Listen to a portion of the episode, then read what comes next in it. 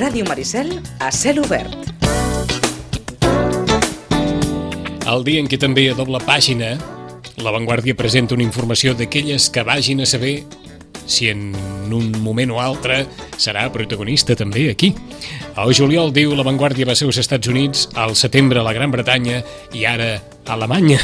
El gegant Amazon entra en el joc de l'anomenat Spotify o Netflix dels llibres amb un servei en el qual el subscriptor pot llegir fins a un fons de 600.000 llibres per 8,9 euros al mes. Tota la literatura, diuen les pàgines de cultura de l'avantguàrdia, a 8,99 euros al mes. Amazon inicia a la Gran Bretanya i Alemanya la irrupció a Europa del seu Spotify de llibres i això molt probablement també eh, trasbalsarà al món editorial o de la distribució, etc etc etc.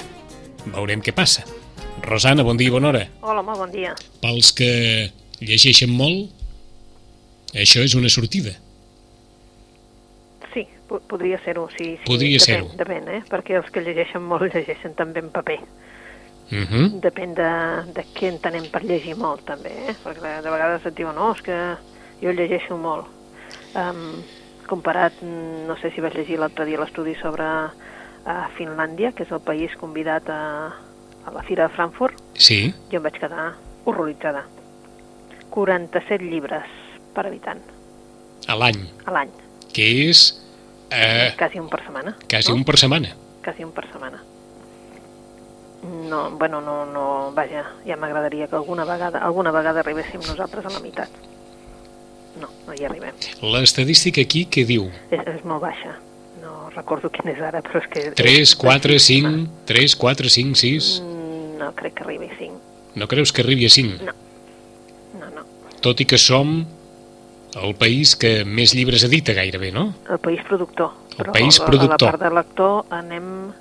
Som el penúltim. Qui hi ha darrere? Vaja, no sé si és un consol. Qui hi ha darrere nostre? No, no, no en recordo, aquesta, aquesta vegada la veritat és que no ho recordo.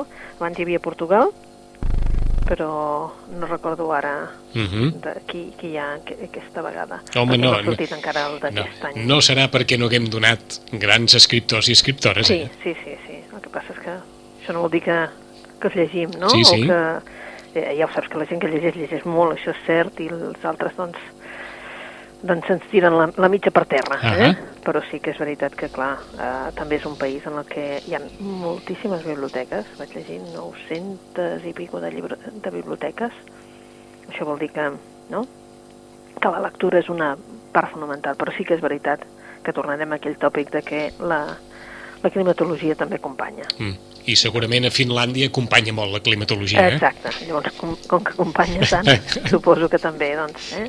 en aquest cas, doncs... No, eh, no sabem si a Finlàndia es venen molt més sillons que aquí, per exemple, eh? no, tampoc no. Tampoc no ho sabem. No, I molt no. probablement és, o, o tenim aquest tòpic de país on la lectura deu estar indissolublement associada a una bona butaca, un, Sí, un bon sí, sí, silló, sí, oi? sí, Un sí. bon, un bon sofà. El... Les, les cases també, suposo que les tenen també acomodades d'una altra manera, sí. Mm?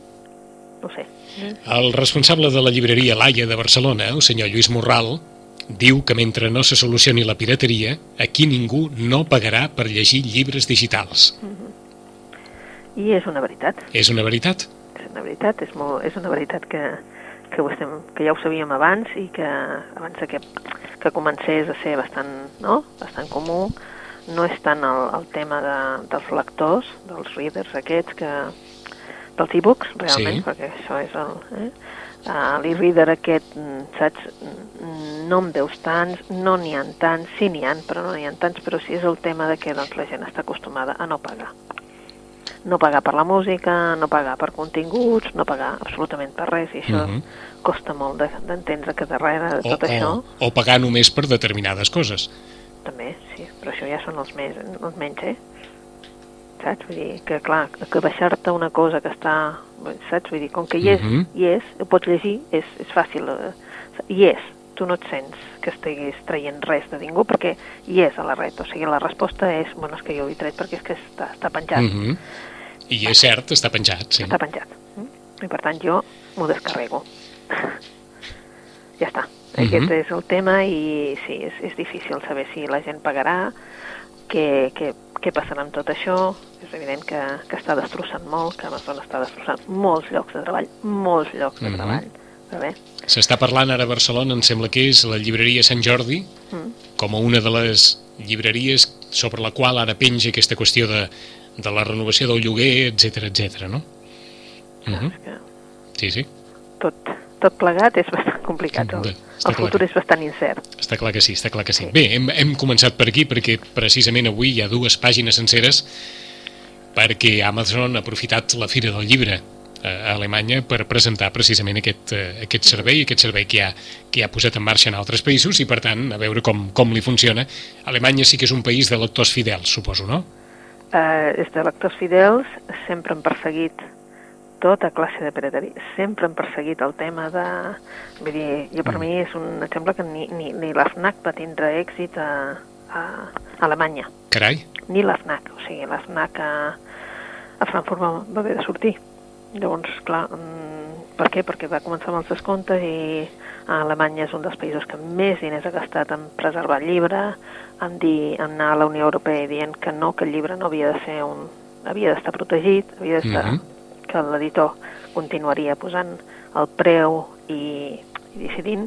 La veritat és que allà el gremi d'editors i llibreters treballen conjuntament i treballar conjuntament vol dir que es treballen molt conjuntament i bé, és un país en el que doncs, es llegeix molt també. La veritat és que es llegeix molt. per tant un, un referent en l'àmbit d'actuació que no és extrapolable eh, eh, ja no diré No. la resta, sinó per descomptat el cas nostre tampoc, eh? No, no, no, en absolut, en absolut, Mhm. perquè, a veure, quan diem mentalitat alemanya tots sabem què vol dir, eh? És a dir, Sí, que sí, sí. acaten molt més doncs, el que s'ha de fer i si no, no es transgredeix les normes així com així. No? Mhm. A mi em va sobtar que fa uns anys aquí la Vissa ja era una cosa com a molt corrent d'anar a comprar, vull dir, tu no, ja no et plantejaves no anar amb Vissa, eh? Sí, i la majoria, la majoria d'establiments, no només llibreries, no acceptaven la Vissa. Perquè El Alemanya. banc estava cobrant comissions i per tant no volien acceptar-la. Estàvem quan el banc cobrava una comissió Sí. d'un 4%, eh? Sí, sí. doncs ells no l'acceptaven i tu et quedaves horroritzat i deies, però, però com? Vull dir, com? El que sí acceptaven eren talons, Imagina. bancaris que nosaltres no els acceptàvem per dir de bon tros. Ah perquè, Perquè- pre, perquè precisament darrere un taló bancari hi havia una picaresca enorme, no? Exacte, i llavors eh, allà eh, em deien, no, no, no, és que aquí el que fa un taló el paga i punt. I deies, ah, vale, doncs, clar, som, som països diferents. D'acord. O sigui, a Ale- a Alemanya un podia anar a una llibreria amb el talonari, Sí, però no amb l'avisa. però no amb l'avisa. Ja, t'estic parlant de fa potser 10 anys, 12 anys, eh? Home, dir, tampoc, ja, ja tam, sí, però tampoc són massa Però, anys, eh? no, però vull dir que aquí ningú no ens plantejàvem no anar amb visa. O sigui, tu agafes la visa, vull dir, tens la visa, sempre portes la Sí, visa, sí. no? Perquè no ens plantejàvem, i jo li deia, però escolta, a mi ja, en aquell moment la facturació ja estava més del 20 i Mhm. pico amb visa. I llavors deies, però com pot ser que, la, que tu no cobris amb visa? Sí. no, no, no, no en tenim cap necessitat. Vaja, qui no anava amb visa no era ningú. Mm, bueno, perquè dèiem, bueno, és allò, la compra aquella, no?, que fèiem com va de dir, no, no, escolta, ja he sortit sense diners, però vull això, no? I ho tinc, ho tinc, tinc la possibilitat. Sí, sí, sí. Curiós, curiós. Curiós, curiós. Eh? A la llista dels llibres més venuts ens esperàvem trobar la darrera novel·la de Lluís Llach. Potser va ser culpa meva, Vicenç, però Per què? la Per, per avançar-la novel·la- per avançar-la molt? Sí, per avançar-la molt, perquè va sortir ahir, Ah, entesos, així no cal dir res més. va sortir el dia 7. Bé, però si només l'haguessis avançat tu, Rosana, perquè em sembla que l'ha avançat tothom, eh, Tothom, gairebé. tothom, tothom. Bueno, no, no, n'hem estat parlant tothom, no?, de dir, ei, que surt... A... Suposo també perquè és la, aquesta vegada doncs, ni els llibreters teníem la novel·la abans, bueno, la vam tenir fa uns dies només, però no durant, saps?, no un mes abans, sinó res, fa uns dies que, que ens en van donar i tal. Doncs clar, eh, tothom avançava a veure què seria la novel·la de Llach, Mhm. que, que, com és que s'havia decidit quan va dir que, que no, que no en publicaria cap més de novel·la, doncs com s'havia decidit a fer una altra història, no? Sí, i tens tota la raó perquè en vàrem parlar, ara que ens aguardem els fulls així d'una forma eh, més, eh, més present a la taula, en vàrem parlar el 24 de setembre i ens vas comentar que el 7 d'octubre sortia el llibre de Lluís Llach, evidentment va sortir, doncs, eh? Sí, doncs Però- ha sortit, ha sortit. Ha sortit en català i ha sortit en castellà. Aquestes dones de la principal. Sí, aquestes dones de la principal, aquesta, aquest pous que és, el, que és el lloc on te passa tota l'acció, aquestes dones, les, mm, bueno, sobretot, doncs, i també aquest personatge, no només la, la, la Maria Reig i, i el, la seva nissaga, sinó també les Úrsules, eh? la Úrsula, la vida, la que estarà sempre a la casa, la que es diu, en definitiva, que li diu, no, no, jo em dic Maria Lluïsa, però a mi no cal que em cridi per Maria Lluïsa perquè sóc la Úrsula Lluïsa. És a dir, hi havia la Úrsula Isabel, la Úrsula Lluïsa, Ja. i al final la filla ja es diu Úrsula Mm, perquè així acaba ja amb el tema de les Úrsules, perquè eren la casa de les Úrsules, no? És una novel·la, doncs, això, no? Una novel·la mm, en el que el tema de les vinyes, el tema de la gent del poble, de com doncs hi ha això, la principal, de com hi ha una nissaga de gent, doncs que el pare decideix que la filla es quedarà allà quan ho perden tot amb la filoxera i el reste se'n va cap a Barcelona a seguir una vida i aquesta dona serà capaç doncs, de reeixir tot i tenir una nissaga de dones. Uh El que ens apuntaves fa dies, i ja ens apuntaves que seria un èxit, per una banda, Paulo Coelho, i per una altra banda, Ken Follett, Què Follett. que s'ha fet un tip de fer entrevistes per tot arreu, no només parlant de la novel·la, sinó parlant del procés català, parlant de, de Gales, parlant d'Escòcia, parlant de tot a la vegada, eh? Sí, és que llavors que tenim autors Sí. que volen eh, opinar. Ahà. Eh? A part, amb, una, amb, un, amb un anglès tan bonic, Mm. amb una dicció eh, eh, en algunes d'aquestes entrevistes que, que plantejaven la subtitulació, que es podia escoltar un anglès gairebé d'aquells de, la, de la BBC, eh? d'aquells que venia sí, de gust. Sí, sí, la veritat és que quan l'escoltes és, Ahà. com, és, és, no? és Té- com a molt entenedor. Ah, exacte. Com, eh? Ve, ve al cap tota la tradició, eh? De, Sí, de... sí, sí, sí. No sé si... Mhm. no sé quina escola ha diccionat, però la veritat és que quan l'escoltes eh, dius, home, eh, aquest anglès és l'anglès correcte, és l'anglès Mhm. que, no? Que, vaja, Aquell, aquell, que, aquell que feien servir de referència. Eh? sí, exacte. En eh, castellà, Ken Follett, El umbral de la eternitat, el llibre més venut, en català, Adulteri, de Paulo Coelho, però no està massa lluny, precisament, Ken Follett de Paulo Coelho, perquè només el separa Maria Barbal, i en la pell de l'altre, com ens deia la, la Rosana, un gran llibre i era també una gran recomanació, doncs Maria Barbal està en el número 2 dels llibres de ficció en català, entre Paulo Coelho i Ken Follett. Um, si, si mires la llista de castellà, ja me l'he mirat Sí. aquest matí, i he mirat i he pensat, bé, doncs aquesta gent doncs, que opina sobre el nostre procés i tal, n'hi ha un que ha tingut la mala fortuna també, que ja ho fa de sovint, Javier Marías, no, em semblava que no sortia en la llista dels Sí. més venuts en castellà. Uh -huh.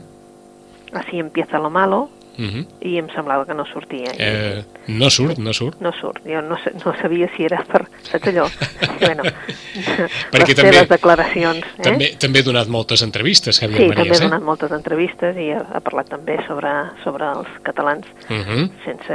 La veritat és que quan va parlar amb els llibreters no, no hi va haver ocasió de que parlés de...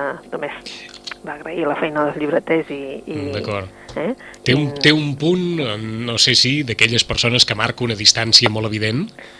Quan estàs a prop no, però sí Mhm. que la, el seu posat o alguna cosa la marca, no? Ahà.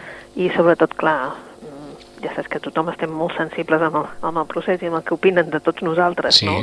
I, clar, com tothom, vull dir, els llibreters tampoc no ens agrada que, Ah, ah. que vingui algú i opini, que no sigui de literatura. Ja està clar. El seu seria que ens parlés de la novel·la, i així ho va fer, eh? Amb els Mhm. llibreters la veritat és que no, no va parlar Home, absolut el, del que pensava sobre el procés. els partidaris del sobiranisme li poden retreure a Javier Marías el seu posicionament sobre la qüestió, Sí. però, si volen un consol, no deixa millor el govern del Partit Popular, eh? Ah, no, perquè, no, no, no, no, no, perquè, no, no, aquí n'hi ha per tothom, eh? perquè n'hi ha per tothom Sí. i d'una forma contundent, perquè Sí. Marías no se n'amaga de res, eh? no vol reconeixements, no vol res, no vol sopar, ell ho diu també, no vol sopar amb polítics, no en vol saber res, no vol seure en una taula amb polític, ni converses amb polítics, no vol, no vol res, vol quedar-se, que el deixin així una miqueta en pau i quan deixin el càrrec, aleshores potser ja ens trobarem, però així ho manifestava obertament davant de Josep Cuní, que deia, no, no, ni polítics, ni, ni, ni el Partit Popular, ni res, no, no vull saber res de ningú. O sigui que era un posicionament personal també, eh, vaja, molt, molt ortodox en aquest, en aquest sí, sentit, sí, eh? Sí, la veritat és que sí, perquè,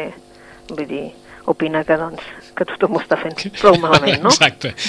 Per tant, era... I era que or- encara no havíem eh, parlat absolutament de cap Ahà. cas d'infecció, de, Sí, sí. de malalties, eh? Exacte, era, és el relat d'un descregut. Exacte, el Mm, relat, ara directament, el eh? relat d'un descregut. D'un Eh? descregut, però amb, amb convicció, amb, Sí. amb coneixement, eh? Però no apareix... que em sobtava perquè és que és una de les... dels llibres també, si empieza lo malo és un dels llibres també que ha arrencat amb força. Ahà. La veritat és que va arrencar amb força i bé, doncs eh, l'altre dia ens deien que ja hi ha una segona edició en marxa perquè doncs falten exemplars. D'acord. O sigui que s'ha notat, eh? En definitiva estaria també dintre de les, de les, Mhm. dels llibres més venuts. Encara n'hi afegim un, no el veiem tampoc a la llista de, de llibres més venuts, però recordo que tu també el vas eh, en, en recomanar amb molt d'èmfasi, Els demonios familiares d'Anna Maria Matute. Sí, sí, la veritat és que, bueno, té aquell to, no?, de la última obra, una obra pòstuma, una obra que, doncs, que ens hagués agradat, doncs, que, que ella veiés, no?, perquè ja l'editorial ja la tenia a punt, perquè, eh?, i bé, tot se'n va no ris perquè ella no va poder fer cap promoció del llibre ni res, però que sí que té aquell punt de dir, bueno, la darrera obra que tinguem de la Anna Maria Matute, Uh -huh. si és que no en treuen alguna del calaix, eh? Eh, També això. Tota la resta ens l'ha recomanat la Rosana. La pell de l'altre de la Maria Balbà, de la Maria Barbal, el Victus, que continua imparable també la llista dels llibres més venuts, la festa de la insignificància de Milan Kundera, la vàrem comentar, un estiu a l'Empordà de Màrius Carol, Feliços els feliços de Jasmina Reza, però no sé si havien comentat Ànima, en el seu moment de, vaig dir, Muawat. No sé si l'havíem comentat o no. Mm, Jo que diria que no. d'aquesta, De fet, torna a sortir ara a les llistes, però és una nova, no és una novetat, diguéssim, D'acord. perquè és una novel·la que, en definitiva, els, el Premi de, de Llibreters i els llibreters de, de Catalunya li van donar el Premi Llibreter, el, el llibre en ficció estrangera, diguéssim, no? I és un autor teatral que segurament molta gent l'haurà anat a veure aquí a Barcelona, que, que era Exilis. Mm? I la veritat és que la novel·la és una novel·la eh, dura de llegir, ja ho avisem, um, per les ànimes així més d'això, que Més eh, té escenes duríssimes, eh? duríssimes, perquè doncs, quan el personatge mm, descobreix a la seva dona en la, allò, assassinada a casa, etc.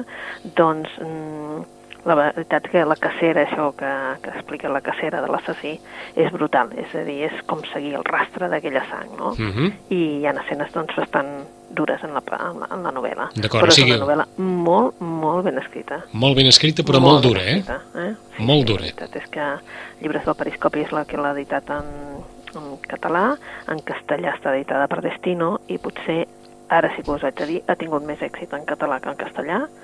Eh, suposo també perquè doncs, la presentació doncs, és, és curiosa perquè els llibres del Periscopi ho són, no?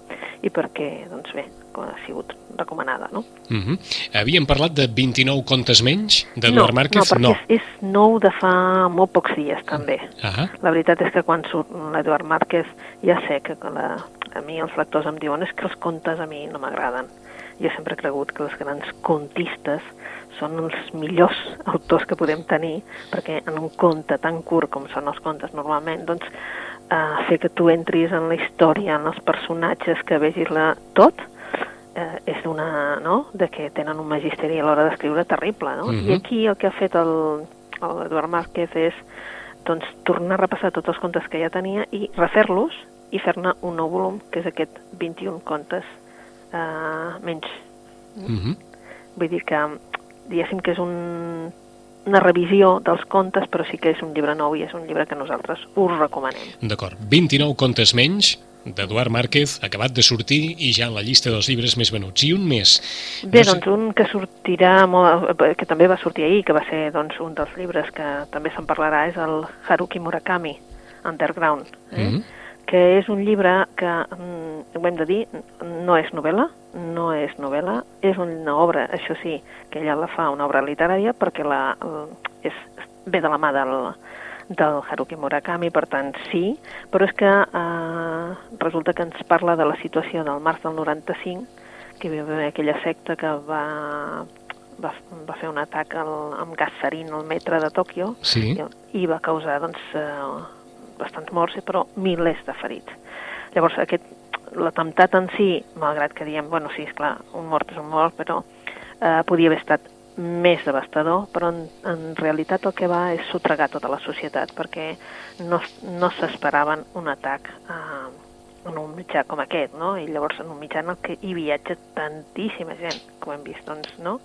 Però el Haruki Murakami el que va fer va ser tornar al seu país i investigar doncs, per escriure aquest document, no? investigar, i volia saber doncs, sobre els atacs terroristes, sobre les conseqüències, va fer entrevistes absolutament a tot, es va voler posar en la ment del butxí, en la ment de l'assassí, en la ment de les víctimes, o sigui, um, ha volgut fer un testimoni de tot això i doncs ha fet un llibre que es diu Underground. Eh? Mm. O sigui, és un treball gairebé periodístic, això. Sí, sí, sí, sí, sí. És que és com si fos un assaig, però tampoc no és un assaig, no? Mm -hmm. És una mica doncs, que ens parla també de la mentalitat de, dels, dels japonesos, no? I de com doncs, això s'ho trega absolutament, perquè la seva seguretat de tot era com a molt forta i llavors veuen que també són dèbils, és a dir, que Mm -hmm. qualsevol els pot atacar. O sigui, la, un assaig de la vulnerabilitat, vaja. Exacte, seria també això. Eh? Ahà. Ja dic que va sortir ahir, només n'hem pogut allò llegir una mica, però sí que ja veiem de que serà també una de les obres, doncs, perquè Murakami és evident que té un munt de seguidors. Ah, també. doncs de Haruki Murakami, Underground, acabat de sortir. Recomanacions per avui. Per on comencem, Rosana? Mira, jo començaria per una de, de llibres de l'asteroide, que, que acaba, acaba de sortir fa molt pocs dies també, em sembla que l'hem comentada, que es diu Canciones de amor a quemarropa. -hmm. No sé si l'hem No, comentada. jo no dic l'hem comentada, no. perquè és nova i és una novel·la eh, que bé, que és una novel·la en què ens parlen de una amistat, una amistat entre quatre, quatre amics, el Henry, el Lee, el Kip i el Ronnie. Tots ells van néixer en un poble de Wisconsin, eh, a un poble anomenat Little que, eh, i són amics des de nens, des de que van començar la guarderia, diguéssim, però tots junts, no? Llavors, eh, cadascú no, ha fet una vida diferent. El Henry és el que es va casar aviat, amb la nòvia que ja tenia des del començament, i els altres d'alguna manera han anat sortint, no?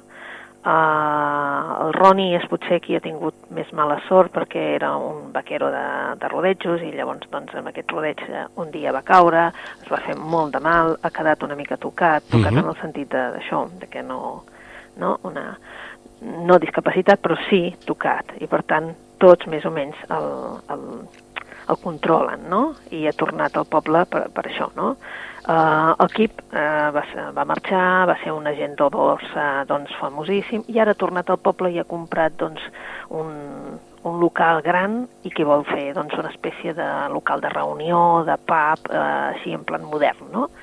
I s'ha casat amb una noia que evidentment no és d'allà i per tant eh, no accepta el poble el poble tampoc no l'accepta amb ella i després hi ha el, el Lee. El Lee és el que ha tingut èxit, el que tocava música, el que ha marxat, però que vol continuar amb les arrels del poble. Tot això que seria tan senzill està magistralment explicat en el llibre. O sigui, de, de per què volem el que té l'altre, de per què ens, la nostra vida ens sembla de vegades doncs, com, a, no? Sí. com a falta d'aspiracions, etc etc i de com amb l'altre li pot semblar que la teva vida és el millor que es podria tenir. Tots han tingut camins diferents, tots ara tornen a estar en el poble i és doncs, aquesta amistat com ha continuat, com ha fet i què, què ens passa quan som grans i som mm, de petits. Hem estat amics. O sigui, quatre realitats diferents, quatre circumstàncies diferents, col·locades en un mateix, en un mateix relat, no? Sí, Mhm. eh, la veritat és que diries, em sembla molt senzill i molt tòpic i tot, tot el que tu vulguis, però jo us la recomano perquè no la deixareu i tot que no té cap intriga, ja ho veieu, però bueno, és un allò, um, l'amistat en si, no? I llavors de com, doncs, de vegades no som tot l'honrats que hauríem de ser amb els amics, etc etc. no? Mhm. I per què no els expliquem allò que realment ens està ferint l'ànima. D'acord, d'aquí suposo aquest títol tan eh, contundent, no? Sí, Perquè crida una miqueta l'atenció aquest, aquest títol tan contundent per una, per una novel·la que parla molt de les interioritats o de les emocions, no? Sí, doncs, Doncs- però és una novel·la que realment eh, us la recomano, però del tot, del tot, del tot. Uh -huh. De Nicolás Butler, Canciones de amor a quemarropa, editada per Libros de l'Asteroide. Per on seguim? Pues seguim per una novel·la, ens vam comentar que, um, que em sembla que també deu estar, no sé si està en els llibres més venuts o no, el primer llibre que s'ha publicat a Salamandra com a Salamandra Black, és a dir, novel·la negra a Salamandra, uh, era Gabblestone, del Nick Pizzolato. Doncs no l'hem comentada, però està a la llista dels llibres més venuts. Sí, doncs és una novel·la mm, Bé, doncs és una novel·la, com va dir un llibreter, és una novel·la de policies però sense cap policia. Eh? Bé, és una novel·la negra, que no hi ha cap policia, però que és una novel·la fantàstica. I ara ens trobem amb un segon títol d'aquesta col·lecció, que serà la Black Salamandra, mm, que és del Denis Lehan, que ve signat pel Denis Lehan i es diu L'entrega. Què ha passat? Doncs que entre el procés d'editar-la de, i no editar-la, doncs pel·lícula. Mm? Uh -huh. Bé, doncs és l'autor uh, Dennis Lehan és l'autor, que segurament recordarà la gent, doncs Mystic River, Shatter Island, que s'han fet pel·lícula després. I ara aquesta és una novel·la que se'n diu La entrega. Eh? Mystic la... River és uh, la pel·lícula que va fer Clint Eastwood, em sembla, sí. eh? Sí.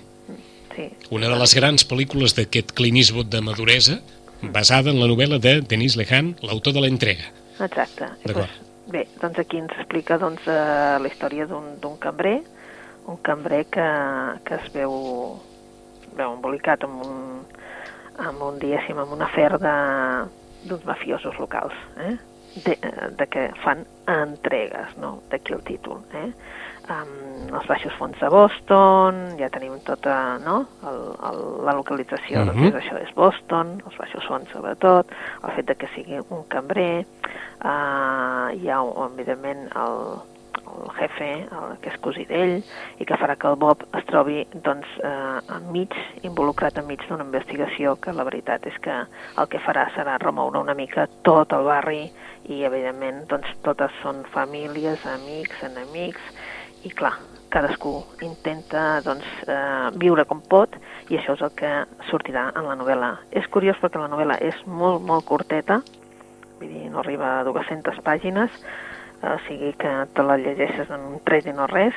Suposo que la pel·lícula és que, la veritat és que he vist que ja hi ha el que ha fet l'editorial ràpidament és posar-li una sobrecoberta perquè si volien que es digués com d'això s'havia de, de posar sobrecoberta de pel·lícula. Sí, perquè part, però... ell ha estat l'autor del guió de la pel·lícula sí, i ha sí. aconseguit el Premi Millor Guió del Festival de Sant Sebastián precisament pel guió de la entrega que és el guió del mateix novel·lista. No sempre els novel·listes fan bons guions per al cinema, D'això. però en aquest cas eh, coincideix una bona novel·la amb un bon guió per la versió cinematogràfica de la novel·la. Bé, doncs és per a tots aquells que vulguin llegir la, la novel·la abans de la pel·lícula, doncs ja tenim l'entrega eh? i que un altre a recomanar. Eh? Uh -huh. Amb tots els condicionants, eh? Tots de, els condicionants. de llegir una novel·la abans de la pel·lícula. Exacte, sí. Eh? Mm, nosaltres som així. Nosaltres ens agrada llegir les novel·les abans de les, de les pel·lícules, si és que anem a veure la pel·lícula, eh? Uh -huh. si és que anem a veure pel·lícula. I també hi ha una altra novel·la negra que també doncs, els aficionats a la novel·la negra estaven esperant i és el, el retorn del Harry Hall. El Harry Hall és el, diguem-ne, l'investigador que, que té el John Esbo, eh?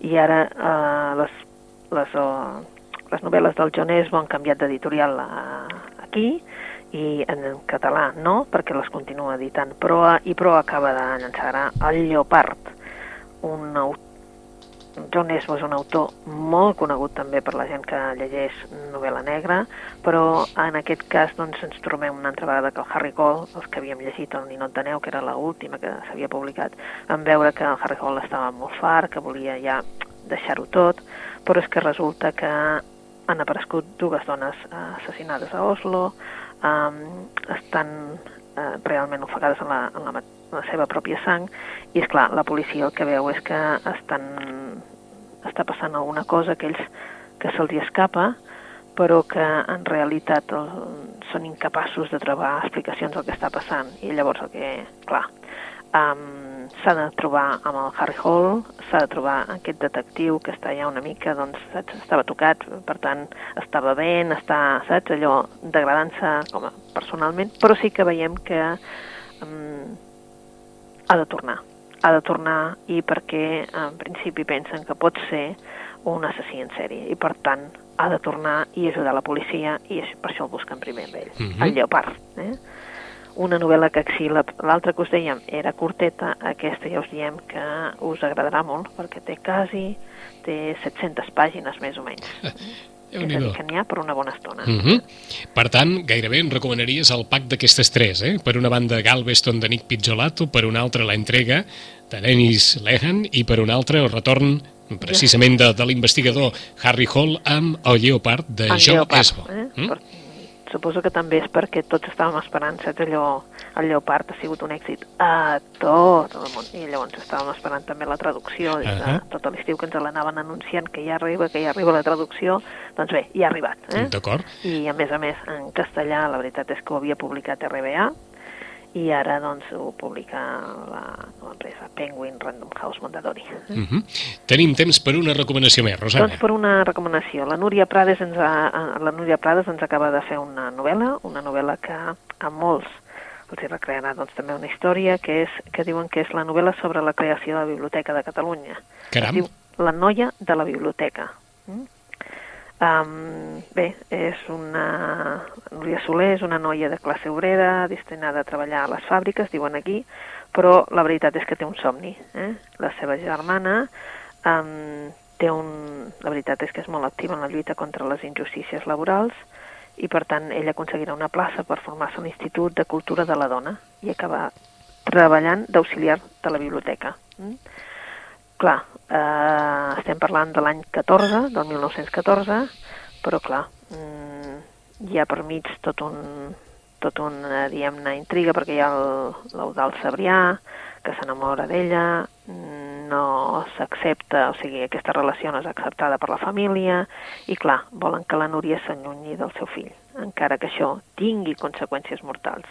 De fet, és una novel·la en la que veurem doncs, això, la Barcelona de primers de segle, la Barcelona doncs, que lluitava també per una, per una justícia social. No sé si podíem fer un paral·lelisme ara, però en definitiva és una Barcelona doncs, un pèl convulsa en aquest cas, però hi ha una noia que vol un somni i aquest somni està relacionat també amb els llibres. Ah Aquest somni té relació en la Biblioteca de Catalunya, eh? Exacte. Uh -huh. han, acabat treballant d'auxiliar, de, de treballadora de la Biblioteca de, Nacional de Catalunya. Sí, llavors, clar, eh, el que té de, de bonic també, doncs, bueno, en els que ens agraden els llibres, també ens agraden els llibres que parlen de llibres o Mhm. de llibreries o de biblioteques. I ara, eh, doncs bé, si avui no tenim temps, n'hi ha un altre que comentarem a la propera, la propera vegada, que també parla, doncs, d'una llibreria. Perfecte, doncs ens aguardem aquesta recomanació perquè en tenim unes quantes de molt bones que ens ha deixat la Rosana. En primer lloc, als que volien seguir la beta de Lluís Llach, eh, entre altres coses perquè des del punt de vista mediàtic Lluís Llach ha aparegut molt aquests darrers dies. Les dones de la principal ja és a les llibreries des d'ahir dia 7, o sigui que ha acabat d'arribar a les llibreries.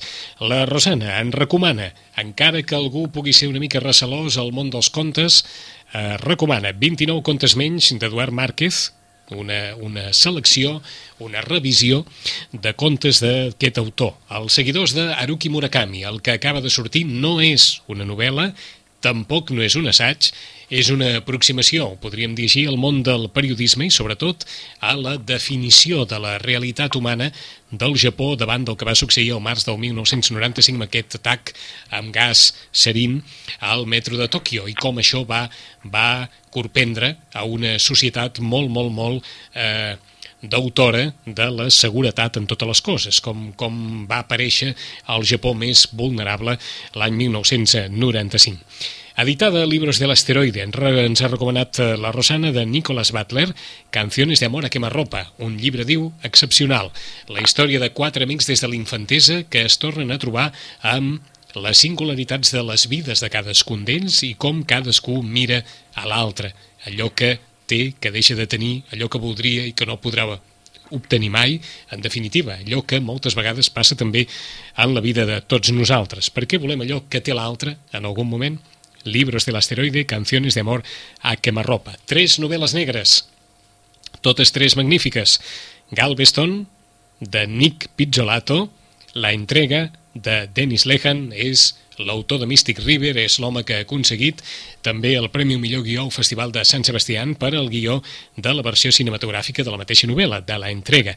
Aquesta història situada en el món de les màfies locals a Boston. I finalment, el Lleopard, de Joe Esbo, a la recerca d'un assassí en sèrie al retorn de l'inspector Harry Hall. I finalment, diríem que una, una novel·la que té bastant més de, de, de suposada d'aquesta nostàlgia, d'aquest retrat sociològic també de la Barcelona d'una època, de fa 100 anys, de Núria Prades, la noia de la biblioteca, la creació, en el rerefons de tot plegat, la creació de la Biblioteca de Catalunya i com una noia d'inicis de segle XX lluitava per la seva il·lusió, que era ser precisament auxiliar a la recentment creada i inaugurada Biblioteca Nacional de Catalunya. Són les recomanacions que ens ha deixat la Rosana. En 15 dies, com no, hi tornarem. Rosana, bona lectura. Bona lectura a vosaltres.